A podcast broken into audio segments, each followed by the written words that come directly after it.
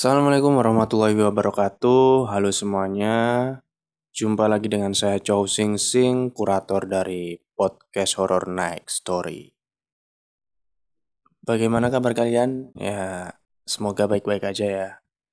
Dan seperti biasanya, pada malam hari ini saya akan menyajikan cerita horor khusus untuk kalian dengarkan. Cerita ini ditulis oleh pemilik akun Twitter bernama Helium Mitrium, ya Helium Mitrium, berjudul uh, Rumah Baru. Oke, langsung saja saya ceritakan. Ini pengalamanku tinggal di rumah baru yang kurang mengenakan. Awalnya aku kira rumah baru ini benar-benar baru. Ternyata ini adalah rumah lama yang sudah lebih dari empat tahun tidak dihuni. Pertama kali masuk, pandanganku langsung tertuju pada anak tangga bermaterial besi yang melingkar. Lantainya bertubuh tebal dan di sela-sela ubin sudah tumbuh rumput liar. Bagian depan rumah juga sudah seperti hutan. Tidak heran kalau harganya miring. Dan yang pasti sudah ada yang dalam kurung menghuni. Temanku bilang saat tahun baru sebelum aku dan keluarga menempati rumah ini, ada seseorang yang memanggil nama temanku. Dan ia bilang kalau yang manggil itu perempuan dan suaranya berasal dari lantai dua rumahku ini. Kejadian pertama, perempuan di teras atas. Sore hari itu, aku lagi sendirian di rumah seharian. Lalu tiba-tiba mati listrik. Saat itu, aku yang berada di kamar bawah langsung pindah ke ruang tamu. Bosan rasanya waktu itu tanpa siaran televisi. Akhirnya, aku memutuskan untuk mengirim pesan kepada teman-temanku lewat sosial media. Tak terasa hari mulai gelap. Aku sudah sedikit ada perasaan takut. Tidak lama setelah adzan maghrib berkumandang, akhirnya listrik pun menyala. Dengan cepat, aku hidupin lampu di area ini. Karena tadi sore belum sempat nyalain lampu di lantai dua. Mau tidak mau, aku harus ke atas. Kali ini aku meminta tolong pada temanku untuk menemaniku menyalakan lampu di lantai atas. Entah hanya aku yang ketakutan atau memang lantai dua ini terlalu seram, tapi memang perasaanku tidak enak sekali. Kebetulan temanku ini Rumahnya dekat dan mau mampir ke rumahku. Setelah aku hubungi, akhirnya dengan bermodalkan senter dari dua handphone, aku dan temanku naik ke lantai dua. Lampu yang akan aku hidupkan pertama adalah lampu teras. Masih terheran kenapa bukan lampu utama terlebih dahulu yang aku hidupkan. Mungkin karena kondisi rumahku yang kalau gelap itu terlihat jauh lebih menyeramkan. Temanku masih ada di anak tangga terakhir. Setelah aku buka pintu, ada sosok bayangan hitam tinggi. Ya, tidak terlalu jelas sih wajahnya. Tapi yang jelas Kepala dari sosok itu tertutup oleh rambut yang berantakan. Ia terlihat seperti hendak mengambil baju di jemuranku. Entah apa tujuannya. Tapi sesegera mungkin aku mundur untuk hidupin lampu di teras atas. Namun saat aku lihat lagi, dia sudah tidak terlihat. Aku langsung suruh temanku untuk turun.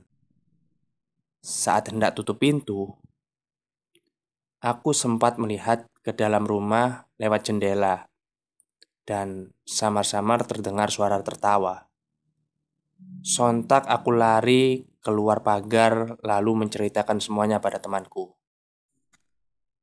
Sesaat setelah aku buka pintu, di depanku ada sesosok bayangan hitam, seperti wanita.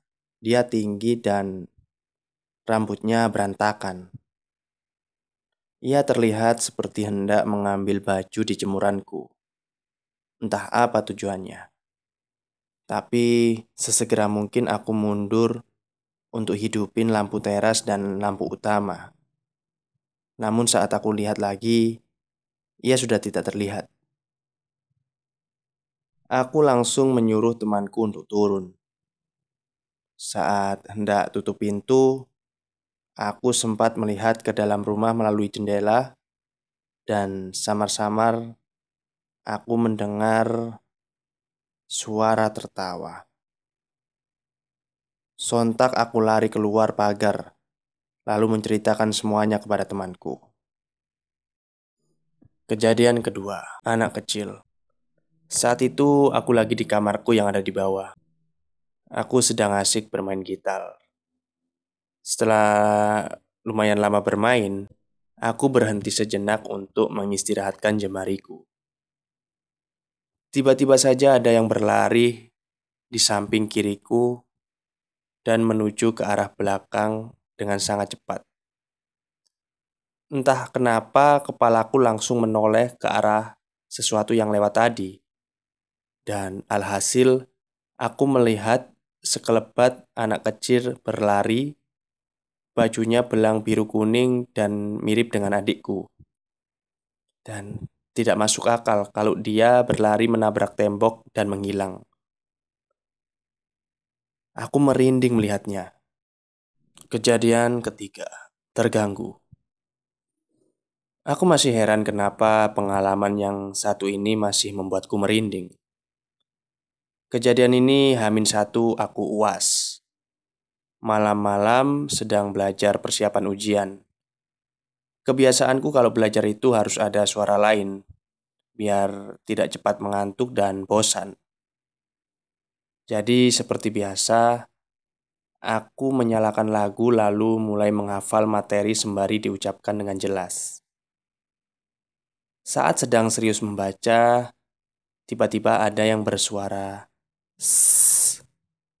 Sangat kencang dekat dengan telingaku. Sepertinya dia terganggu dengan suara yang aku ciptakan dan menyuruhku untuk diam. Jantungku berdegup sangat kencang. Dengan perlahan aku menoleh ke belakang. Namun, hanya ada adikku yang sedang tidur. Aku kira dia yang bersuara. Akhirnya, aku coba bangunkan dia, tapi dia tidak sedikit pun merespon. Lalu aku lanjut baca agak lantang supaya takutku hilang. Kurang lebih satu menit dari kejadian pertama, suaranya muncul lagi dan memekakan telingaku. Aku sudah tidak ada keinginan untuk mencari tahu. Langsung saja aku lempar buku yang sedang kubaca, kumatikan lagu, dan juga lampu di kamarku. Aku langsung bersembunyi di balik selimut kasurku.